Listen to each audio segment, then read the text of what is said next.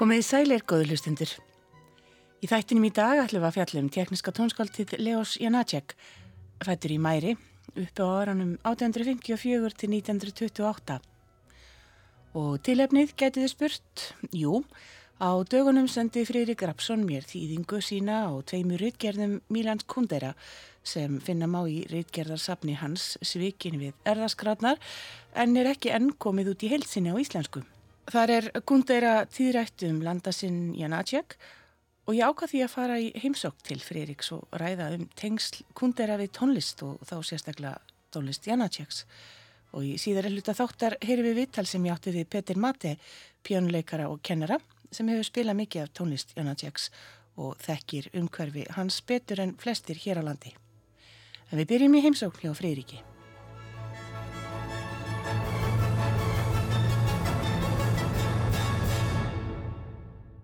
Freyri, hvað er langt síðan þú byrjaðir að, að, hérna, að þýða bækurnar hans kundera?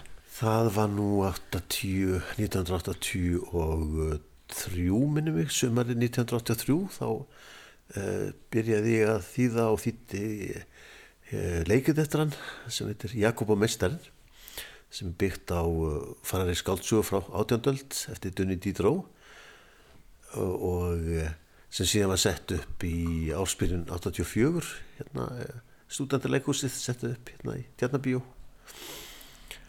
og það var fyrsta verkið leikrit, ekki skáltsa sem hann er þú þekktastu fyrir Hvað eru komna út margar bækur eh, hérna á Íslandi?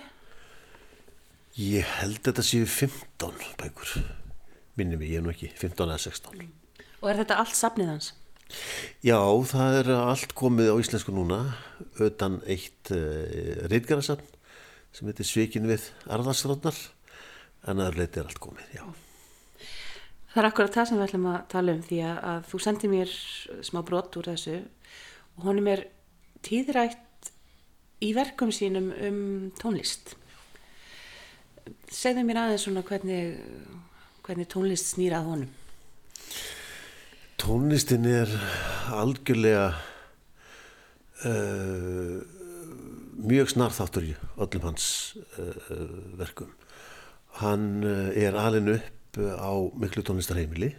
Pappas var píjónuleikari, mikil vinur Janaceks og hann er alin upp sagt, í tó, tónlistarhefð eins og miða-Európa fólk mjög gerðnan og eh, hafði hugsað sér að verða uh, eh, tónlistamæður sem ungu maður og, og leikur alveg held ég svona slarkfar á, á piano hans hugur stóð til þess að verða uh, tónlistamæður og uh, síðan á ástæðum sem ég svo sem það ekki byrjinlis þá verða hann réttöfundur en tónlistin hefur enga síðu fyllt honum mjög mikið í gegnum alla bækunar Eh, bæði sem eh, viðfáðsefni hann, hann fjallar um tónlist til dæmis tekniska þjóðlaga tónlist í brandaranum fyrstu bókinu sinni uh, 16. kvartett Beethovens er svona leiðarstef í gegnum óbærlega lellika tilvörunar og svo framvegis og auk þess eru bækundarans mjög svona tónrænar í að byggingu hann, hann skrifar svona og það er svona tilbreyð við stef í sumubókunum uh, Fúgan uh, til dæmis var svona ákveð mótel í bók sem heitar Ótaleikin Fúgoformið og svo framvegist þannig að hann svona á þess að vera þraungvað sjálfsög tónlistarforminu upp á uh, ritmálið þá er uh, tón, tónhugsun mjög rík í öllu verkum hans og hann er einn af þessum fáum sem bara setur hvað nótur inn í bækurnar sínar. Já, já, það, það er það sem hann gerir einmitt í í, í, í, í brandaranum og hann gerir það í óbærlega leillega tilvöruna líka og, og svo í uh, reyndgerðarsöfnum líka og þar sem hann er að teka dæmi alveg eins og, eins og við vitnum í ljóð eða eða kapla úr bóka eitthvað svolítið þannig að hann alltaf fjallum tónverk og þá vittar hann í tónverkið og þar þar lendi að að byrta nótur. Það að andstæðar tilfinningar skuli stöðugt standa svona hlið við hlið gefur tónlist Janaceks dramatísk enkenni. Dramatísk leikræn í orðsins fylstu merkingu. Tónlistans minnir ekki á sögumann sem segir sögu, hún minnir á atriði þar sem margir leikarar eru stattir á einum stað samtímis, tala saman og takast á. Oft örlar á þessum leikræna stað í einu litlu skrefi, eins og í fyrstu töktum píanósónutunar.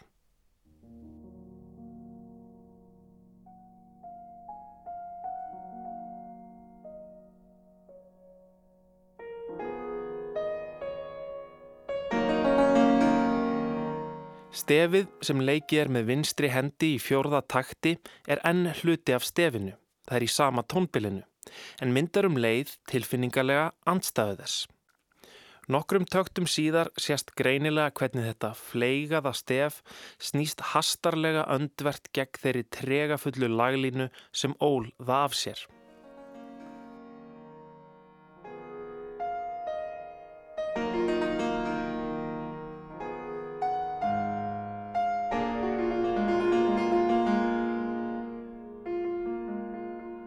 Í næsta takti tengjast laglínurnar tvær svo upprunulega og svo fleigaða svo aftur.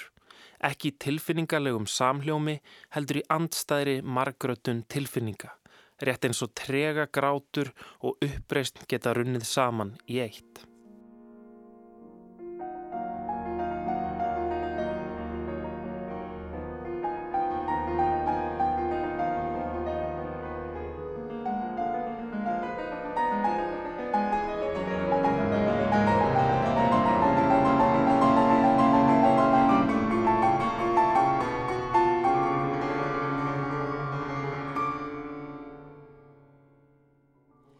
Við ætlum að fjalla um svikin við erðaskrarnar og honum er tíðrætt um landa sinn Leos Janacek. Um, þekktir þú Leos Janacek áður en að um, óbærilegu léttleiki kom út á filmu? Já, já, ég gerði það nú uh, meðal annars í gegnum kynni mín af, af Gundareikjunum árin. Þannig að ég fór veit að hann uh, meðal annars út af þessum tengslum hans persónulega við þessi gegnum föður sinna sjálfsögðs að þá, uh, þá langaði mér þess að einmitt að kynast verkunum hans og, og hérna hlustaði talsveit á ímis píjónaverk Gróni Stígurinn til dæmis og, og, og fleira sem að hérna Finnst það að það var heillandi. Óperutan aftur á móti þekki ég lítið sem ekkert.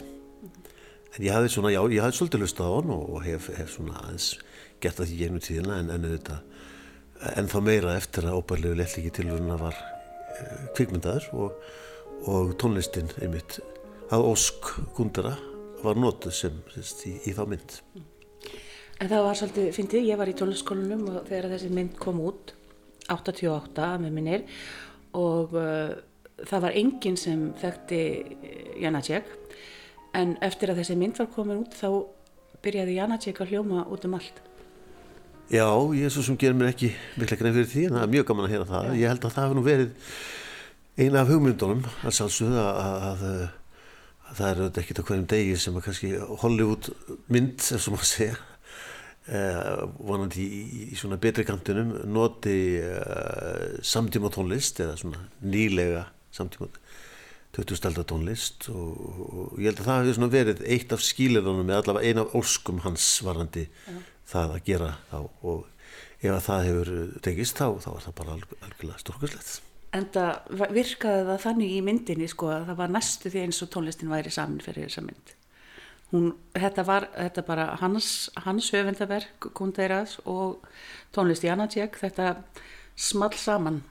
Já, það, það er mjög gaman og eflaust hefur ég þekki það nú ekki smátrið en eflaust hefur, hefur það mitt verið mjög mikil vinna, undirbúinisvinna fyrir Fílip Kaufmann og hans fólk sem að, e, gerði myndina að, að fá þetta ekkur til þess að smetla en ég ímyndi mér það að, að, að semja eða velja tónlist við sem er auðvitað mjög stór þáttur í uh, öllum myndum.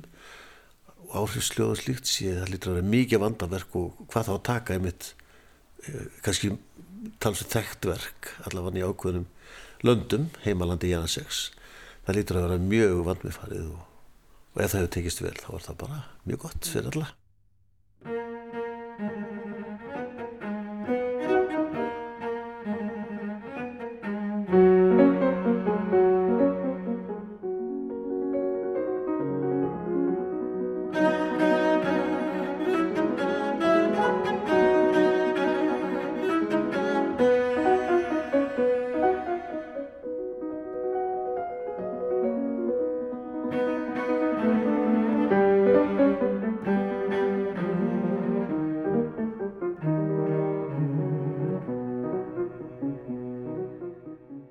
ég segi, hún er með tíðrættum Janacek og hann er svolítið að halda uppi vörnum fyrir hann. Hún finnst að hann þurfa þess. Þess þessi rítgerð er skrifið 92. 93.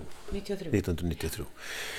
Já, hann, hann uh, sko þessi uh, bók uh, fjallar mjög mikið um sko virðingu, hún er svikin við erðarskotnar, þar sé að honum finnst Uh, hann er að skrifa mikið um Kafka hann er að skrifa mikið um Janacek og Stravinsky og, og marga höfunda og heimsbygginga og, og sálsugna höfunda já, hann er að, hann er að verja hann, hann er mjög upptíkin að því í þessari bók að, að virðing fyrir uh, höfundaverkinu og að tó, tónverk séu flutt eins og uh, tónsköldin vildur láta gera það.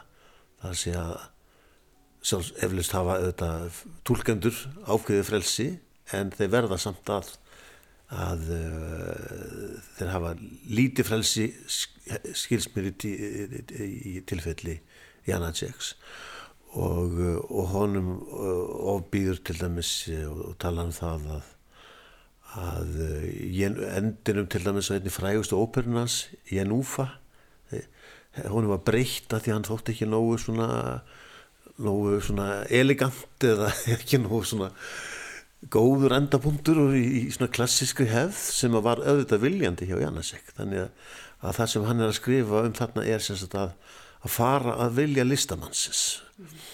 og uh, eins er með Kafka sem sagt að Max Brod sem að bjargaði uh, handreitum Kafka eða sveik vinsina því leiti, hann fór ekki hóskum Kafka með brennaði að hún er lotnum að hann skildi aldrei neitt í hans fagufræði, hans estetík sem rittöfundar hann var af allt öðrum skóla þannig að hann er að halda upp í vörnu fyrir Janasek og er líka reyndar að nefnir þarna flytjendur og stjórnendur sem hafa akkurat unnið í þessum anda og, og hérna hróstar það mjög mikið. Svo tala hana líka um það sem er náttúrulega afskaplega rétt að um, Janacek var ekki svona gútiræður af um, já, sínum löndum, hann fekk ekki verk sín almennilega flutt og, og, og þegar þau voru flutt þá kannski var mesti brotturinn úr nýjungunum farin af þeim 20 árum setna Já, já, það er akkurat það sem hann er, hann er svona akkurat að, að, að minna á þetta. Þetta, þetta, þetta hefur verið umræða í uh, Tjekklandi á sín tíma reknaði með en, en uh, lesendur kannski utan Tjekklands eða þeir sem ekki fylgast heimum betur með.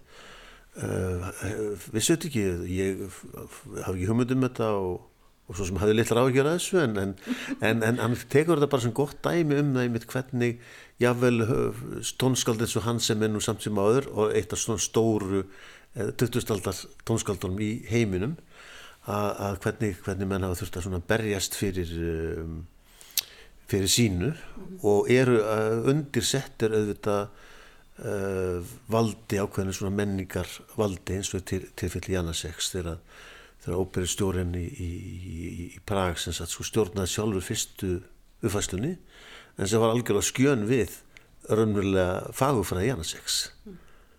Að, að en setna meir var þetta nú sem sagt lagað og hefur, hefur nú verið fyrst virt síðan. Mm -hmm. En svo er líka svolítið merkilegt í þessu í hans stöðu, hann er náttúrulega kemur, er í, sí, í sínum þjóðlaga arfi, nákvæmlega eins og Bartók. En það er eins og þjóðlaga arfurinn sko festist meira á Janacek. Það er eins og uh, hann sé frekar uh, frekar litið á hann eins og eitthvað litið kvotbonda tónskáld á meðan Bartók uh, er heimsmaður. Það er líka hann er, að, hann er að vísa í þetta líka hann kundera.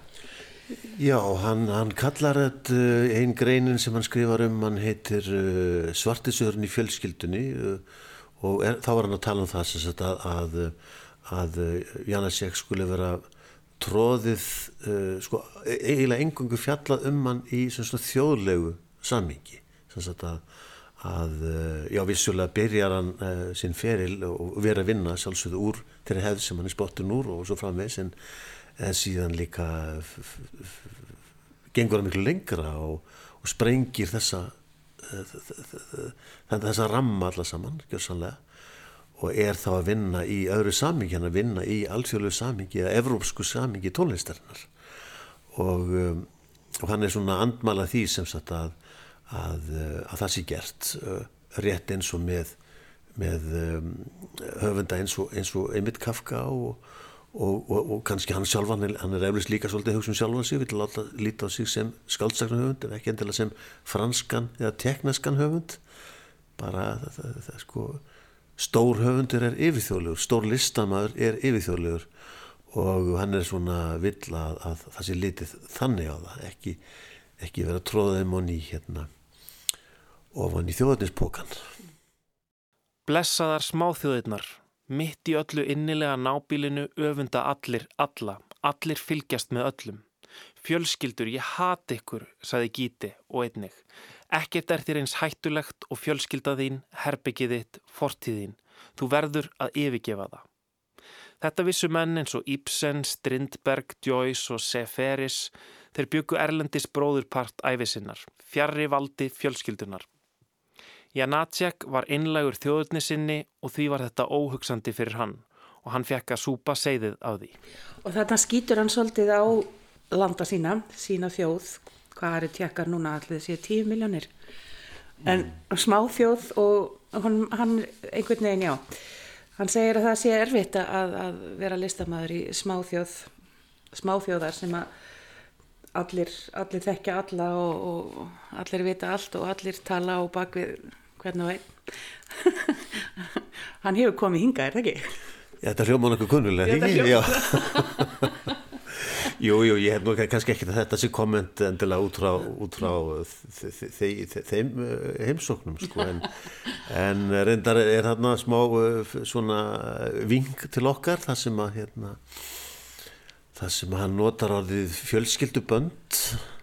Sem sagt sko við vorum held ég eitthvað tíma að tala um það um fjölskyldan skemmtilega svona margvíslega skylda okkar gafet öðrum og það er ákveðin binding satt, og, og svo framvegs og, og það fannst það svo skondi hvernig hérna, ís, íslenskan uh, hugsaði þetta. Að hérna hann setti þetta inn í uh, þessa grein um, um Janasek. Og hérna uh, en já já smáþjóður þetta er að deyta sem að ynginni smáþjóður. Það er akkurat þess að við þekkjum mæta vel að allir þekki alla og og svo er nú þetta til svo sem ekki líka í stóru löndunum ekki satt sko, enginni spámaður í sínu föðurlandi sem að noti nú þá þá hérna gamlu góðu klísu kannski. Ja. þannig að eh, og ég held að þetta sé nú margir listamenn uh, kannist við þetta að, að ef við tölum við myndlistamenn Picasso er auðvitað spánvergi en hann er ekki bara spánvergi hann er fyrst aðeins bara stórkastlega listamæður mm -hmm og það er það sem hann er að byggja okkur um að gera sagt, skoða sagt, listaverk í því samingi sem að uh, listamæðurinn hugsa það. Uh, ég hugsa Lagsnes uh, sem við tökjum bara dæmi hann er að byggja auðvöndu miklu áhrifum frá ísningasögunum og hérna frá arfinum sem hann gengur að hérna heima. En hann auðvitað las allt sem hann komst yfir í hérna sínum samtíma og hann er lindra áhrifin frá surrealismannum og mótast af ymsum þessum ströymum eins og við vittum mm. uh, og hann er íslenskur höfundur en hann er ekki bara íslenskur mm. það er kannski það sem að kundir að reyna að hérna, minna okkur á ekki tósa listafinn niður heldur að skoða það í því sammingi sem þeir eh, mótust í raun og veru mm -hmm. og hann kallar uh, tónlist uh, Janaceks já, hann minnir á það að hann er eldri en Richard Strauss og hann er eldri en Stravinsky og, um, og en samt sko að hann er algjörlega á móti allir í romantík Janacek og fer, fer í raun og veru mjög mjög sérstaka leið að sínu að sinni list. Já, hann er algjörlega andromantískur alveg, alveg, alveg augljóslega og og hérna og, og fer nýja leiður og er uh,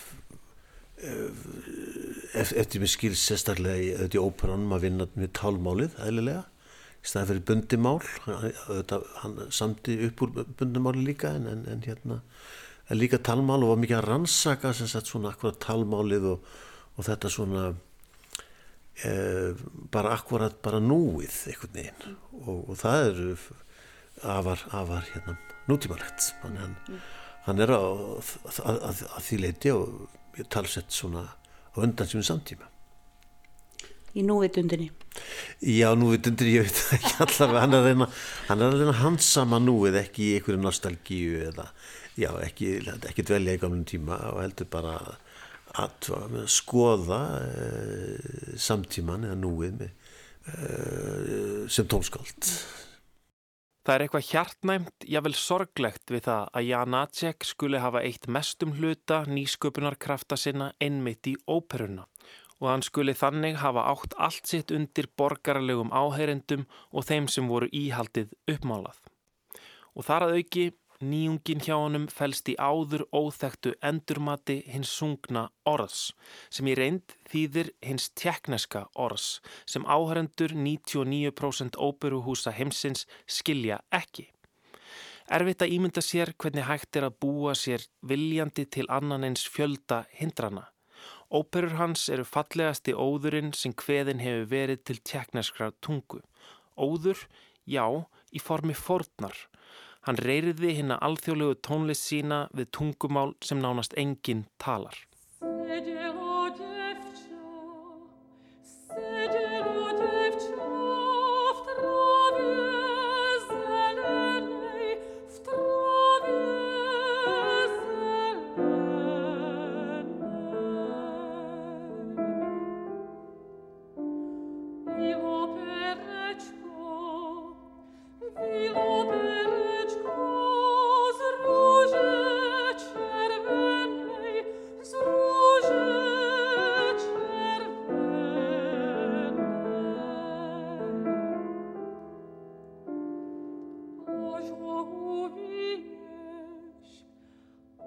o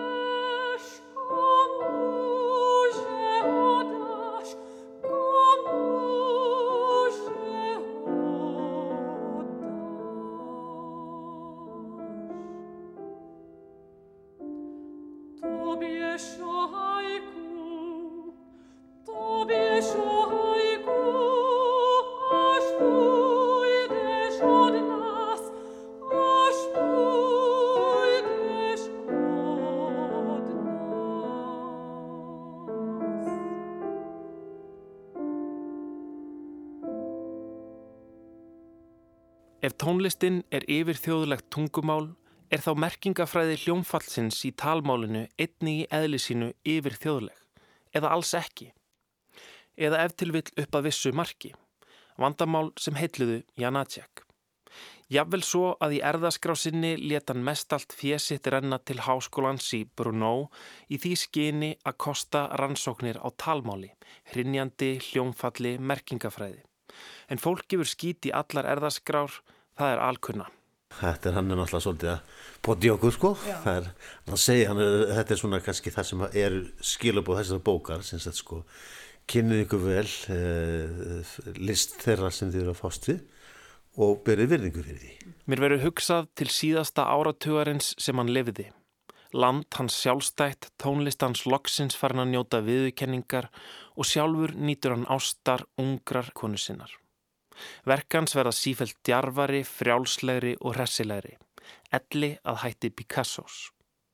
Frá 14 ára aldri hef ég heyrt písgraðum hann hafi látist í miðjum samförum og sjúkrabeði, heldur ólíklegt en eins og Hemingway saði stundum sannara en sannleikurinn. Var þetta ekki besta leiðin til að kóruna þann gífurlega gleði sprett sem hann tók á efri árum? En þannig er líka komin sönnun þess að innan þjóðar fjölskyldunar hafi þrátt fyrir allt verið fólk sem unni honum. Því þessi góðsögn er blómsvegur á leiði hans. Þetta er svolítið tjeknist. Já, þetta er, ég, náttúrulega, mér finnst alltaf svolítið erfitt að alveg náttúrulega við heila þjóðir en, en þetta er mjög gundurist allavega.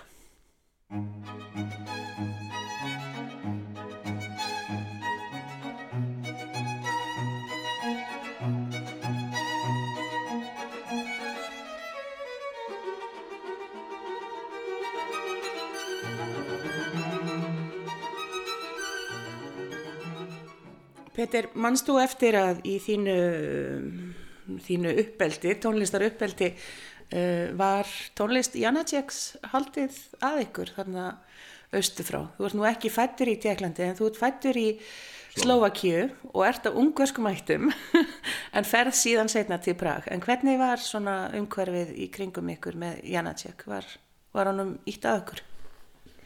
Ég kynntist Janacek og pianoverkum hans uh, frekar seit að við, að við í Slovakíu reyndar átti ég tekniskan kennara en hún var meira fyrir Martinu og Smetana og Dvorsak svo ég spilaði frekar sem mentaskólanemi uh, þess að teguna uh, tekniska tónlist eftir, eftir þessi tónskál en svo frá 82 þegar ég er komin í listaháskóla í Prag þá kynni sig miklu meira. Janacek, bæði kamerverkum hans og einlegs pianoverku og na, ég bjó í, í studendaheimili hérna, akademiunnar og það heyrist Janacek og, og na, margt annað úr hverju hortni pianistar æf, æfðu sig mikið alveg 8 tíma á dag. Mikið af uh, erlendum pianistum líka. Ég átti þar tvær japanskar vinkonur og kollega sem voru að læra hjá sem er kennar og ég. Og ég veit að na, það var mikið spilað Janacek bæði sonatan og na, litlu pianoverkin hans Grunargötur og, og í þóku Hann á í rauninu veru þessi þrjú sóló stóru verk, það eru tvær bækur af Grunargötur. Og sonatan sami til minningar um verkamann sem var skotinn í Brno og síðan uh, þetta stóra stykki í þókunni eiga hvað finnst þér engina pianoverkinas? Janacek er mjög sérstakkt tónskáld. Hann er fættur út í sveit, þarna, í indíslega falleg sveit sem ég heimsótti fyrir þreymur árum stafbi. Mild fjöll og, og þarna, mikið grænt og indíslega róleg sveitalíf. Þaðan kemur í, í stærra borg sem var einlega mjög þýsk eða austurísk, nálagt Vínaborg í Brunno, eða Brunn. Þann tíma, þetta var áður Tjekkoslovaki var stofnuð. En uh, hann fór aldrei en sem sagt hann fór sem svona, síðan læra til, til Prag og auðvitað Leipzig og Vínaborg líka. En, en hann var svona, í sjálfum sér væntar alltaf utan höfudborgar manneskjan og uh, var með, með sína sérstakka uh, hugmyndir og, og hérna, listræna sín hérna, sem kemur miklu meira úr náttúrunni heldur úr hefðinni þessu þýsku romantísku hefð sem, sem var í öðrum borgum hérna, þessum tíma.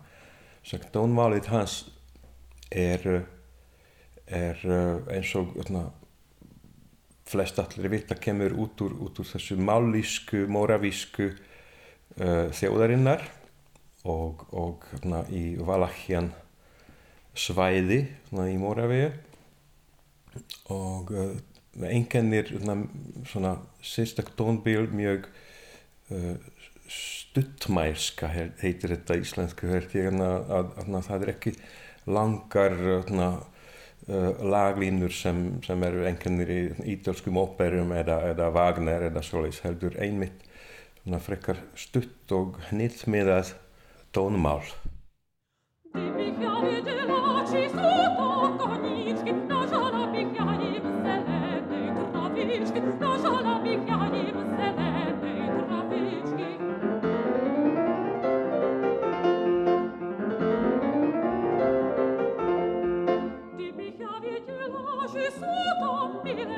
Nagala bih ja im of sa zelene, nagala bih ja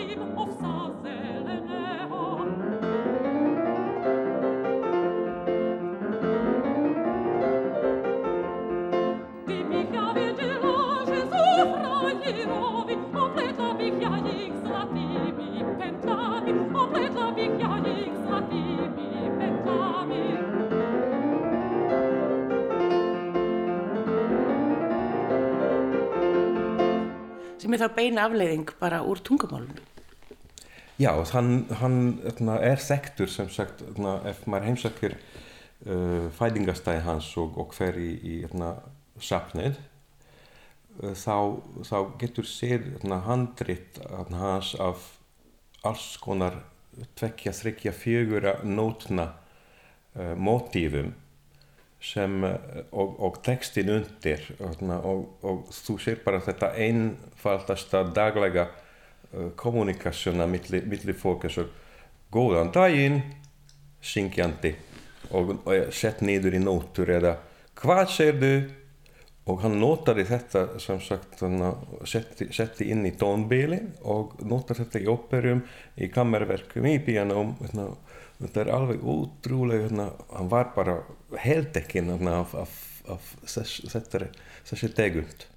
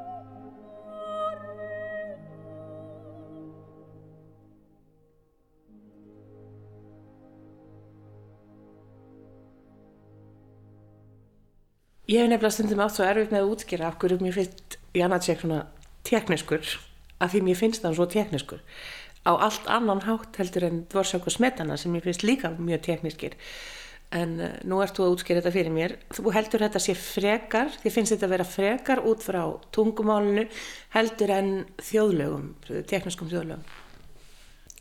Já, sko tungumálið og þjóðar þjóðlögin eru einlega bara svo mikið tengt að, að það er ekki hægt að, að uh, gera þetta á neitt annan hátt.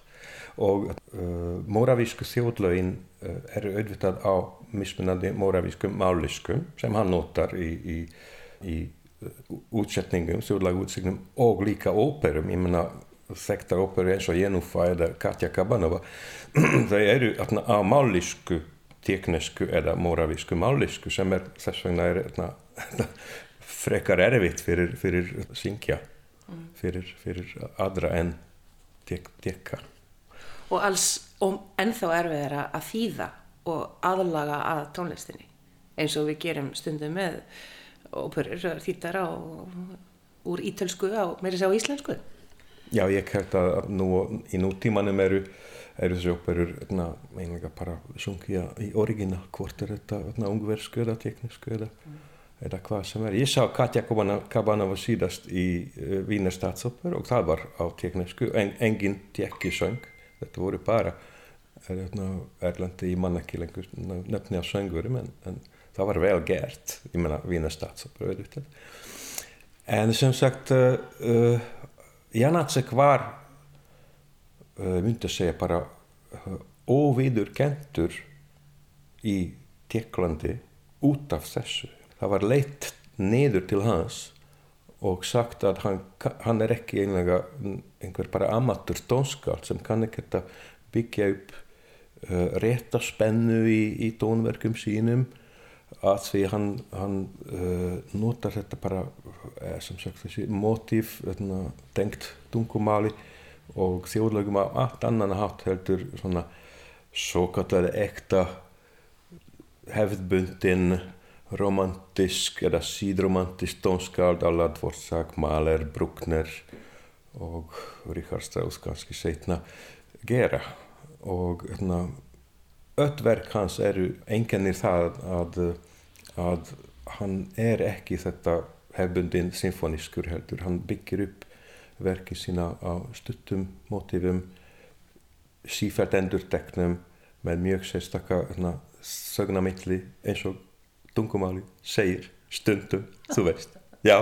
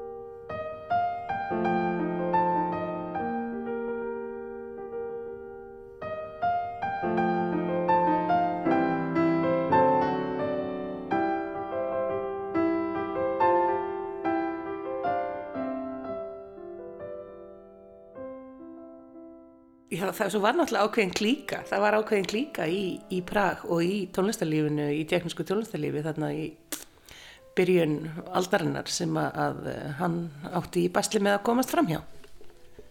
Ég held að það þarna, hefur ekki breyst í 500 ár, það eru alltaf klíkur allstaðar. Hvort er þetta að tala um Wagner í París eða, eða Berlioz eða, eða Liszt og Schumann eða Janacek og, og Vítjeslav Novak sem var, sem sagt, ná, hann sagði að Janacek kann ekkert að semja. Ég meina frægasta ópera hans beitt ég veit ekki 12 eða 14 ár þangat til að, þarna, að einhver óperustjóri í Prag þarna, nendir að, þarna, að setja Jenúfa á dagskrá. En með því að hann gjör breytti margar hlutir í óperunni gegn vilja Janaceks og, og þetta var bara ljótt.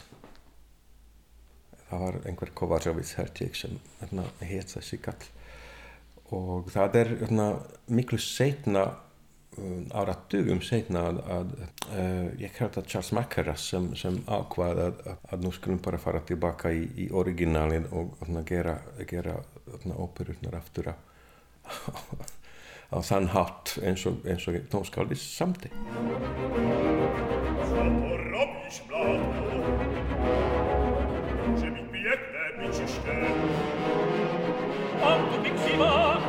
avec ceste ferrone di cara Nablus vigo Not possible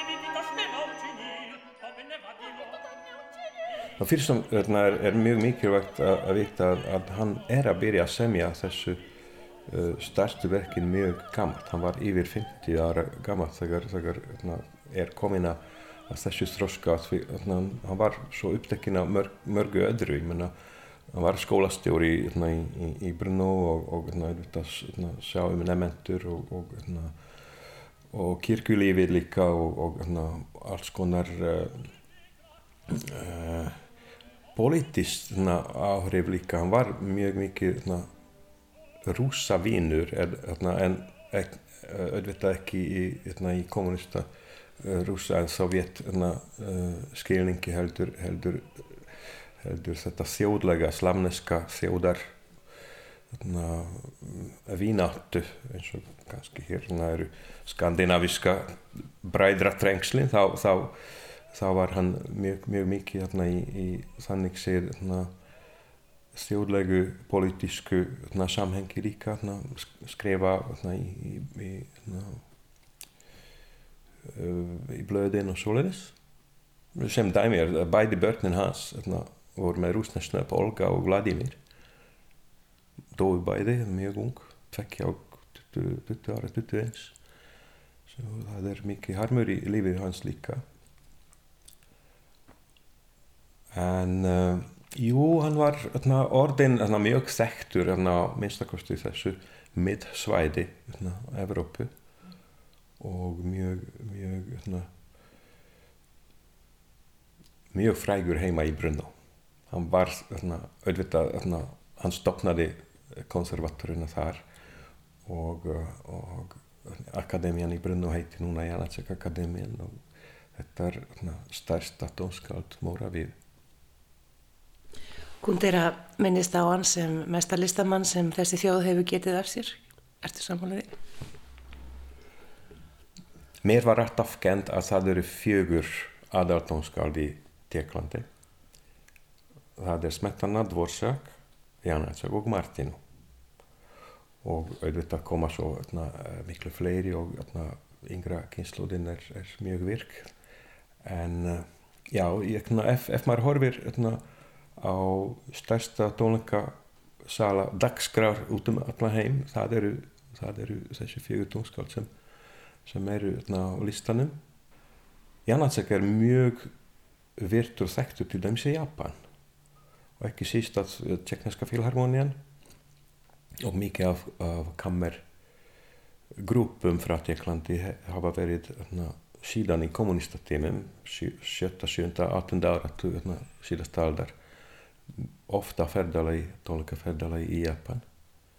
Janasek hefur tvo falla kvartetta, strengi kvartetta og, og na, tekniska tónlistar hefðin fyrir kvartetta er alveg na, nummer eitt held ég bara í heiminu.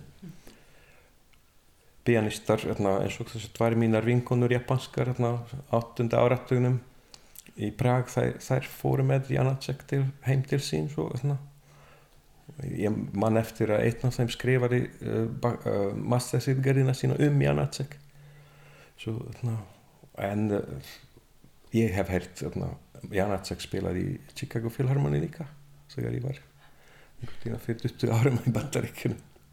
En ef við tölum við skrifar hann eins og fyrir piano skrifar hann það sem við segjum svona pianistist liggur þetta vel?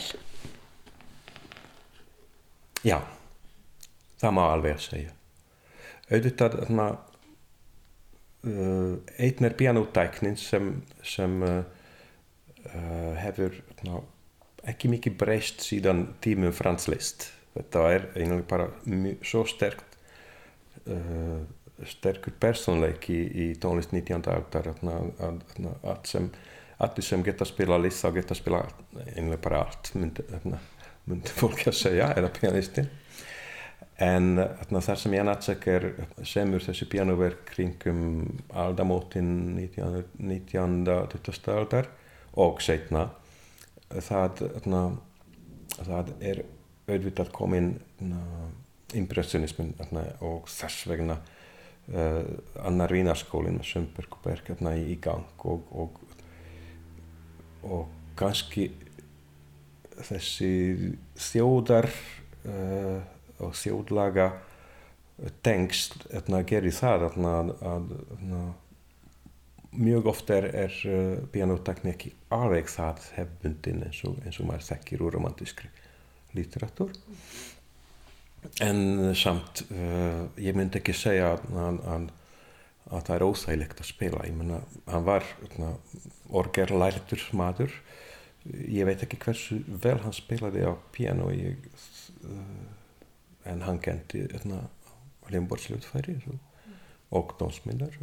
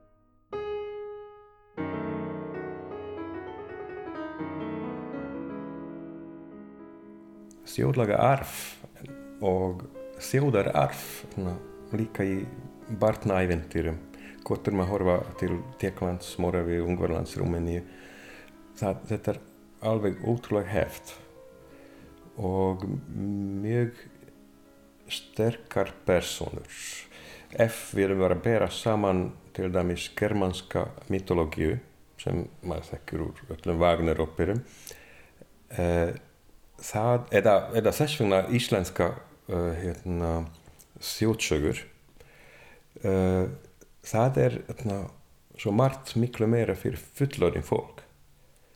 Uh, en tekneskar eða ungverskar hérna, æventýra sögur eru svo mikið fyrir börn. Þetta, þetta talið um, um prinsa um, um, um prinsessur og, og einhverju hérna, dýr og alls konar veru sem eru mjög oft ljúf og svo bara stundum eitt og eitt vondur það þarf að vera alltaf þessi anstæða millir góðs og íls en eins og maður þekkir úr rúsalku það er vatnadísir og, og prinsar og alls konar kongar hérna í gangi. Og þetta kemur hérna, fram í, uh, í sál. Eh, og hugsun eh, fólks. Með því að, að eh, pianoverki hans utan við sonatu sem er kannski aðeins lengra þessu litlu verkin eru, eru etna, bara eins og, eins og lítið ljóð. Hef flest að etna, hafa einhverju program eða minnst að kosti smá útskýringu mjög lírisk, mjög poetísk og getur verið auðvitað dramatísk líka en það er talað um daudan það er talað um svölurnar og, og talað um kvöldin sem við höfum sittið saman við, við Arineld og, og þetta er einhvers konar uh, svona myndir sem, sem maður, svona, maður getur loka augum og, og svona, sé alveg svona málverk fyrir, fyrir sér eða, eða, eða eins og þú sittur úti í græsi út í náttúrunni og horfir á sólina kringum þig og, og fugglasöng og, og þannig að gera stævindýrin og svo mann ég eftir einu sem að um, hlöðu uglan er ekki flógin burt og ég skildi ekki alveg af hverju þetta var svona svolítið svona, svolítið svona ógn í verkinu Vissur ekki eins að? Ég, nú, ég veit það núna, já. ég veit það núna, en skútskýrði. Já, neðanleit, já. Þetta er hérna, uh, lítið ugla sem, sem þjóðsagan segir að hún kemur og sest við, hérna, við uh, hérna, húsin það sem er einhverja degja og gefur frá sér hljóð sem, sem þessi degjandi maður er, er kvattur bara til næsta heimsins eða hérna, þegar yfirgefur yfir okkar heim. Og, eh, og eins og ég sagði hérna, hann misti börnin sín og, og, hérna, og hérna, það ríkti mikið sorg í hans fjölskyldu. Og það er alveg skiljanlegt að, að eh, ef hann semur þetta pianoverk sem heitir á íslensku uh, Uglan er ekki, ekki flógin það er einlega ekki hægt að, að þýða þetta alveg nákvæmlega. Þá er hann að hugsa um að, að, að þetta er döitin mjög nálægt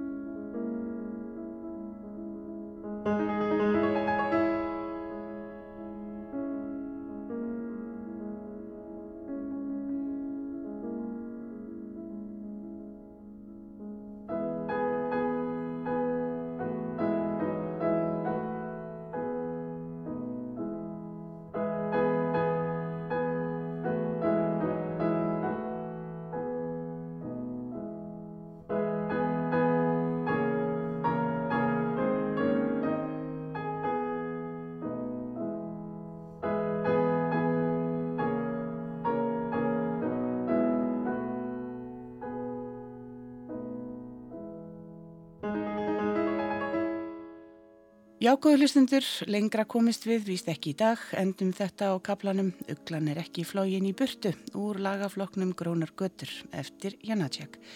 Það er Rúdolf Fírkusni sem leikur, þángat í næst hafið það sem allra best.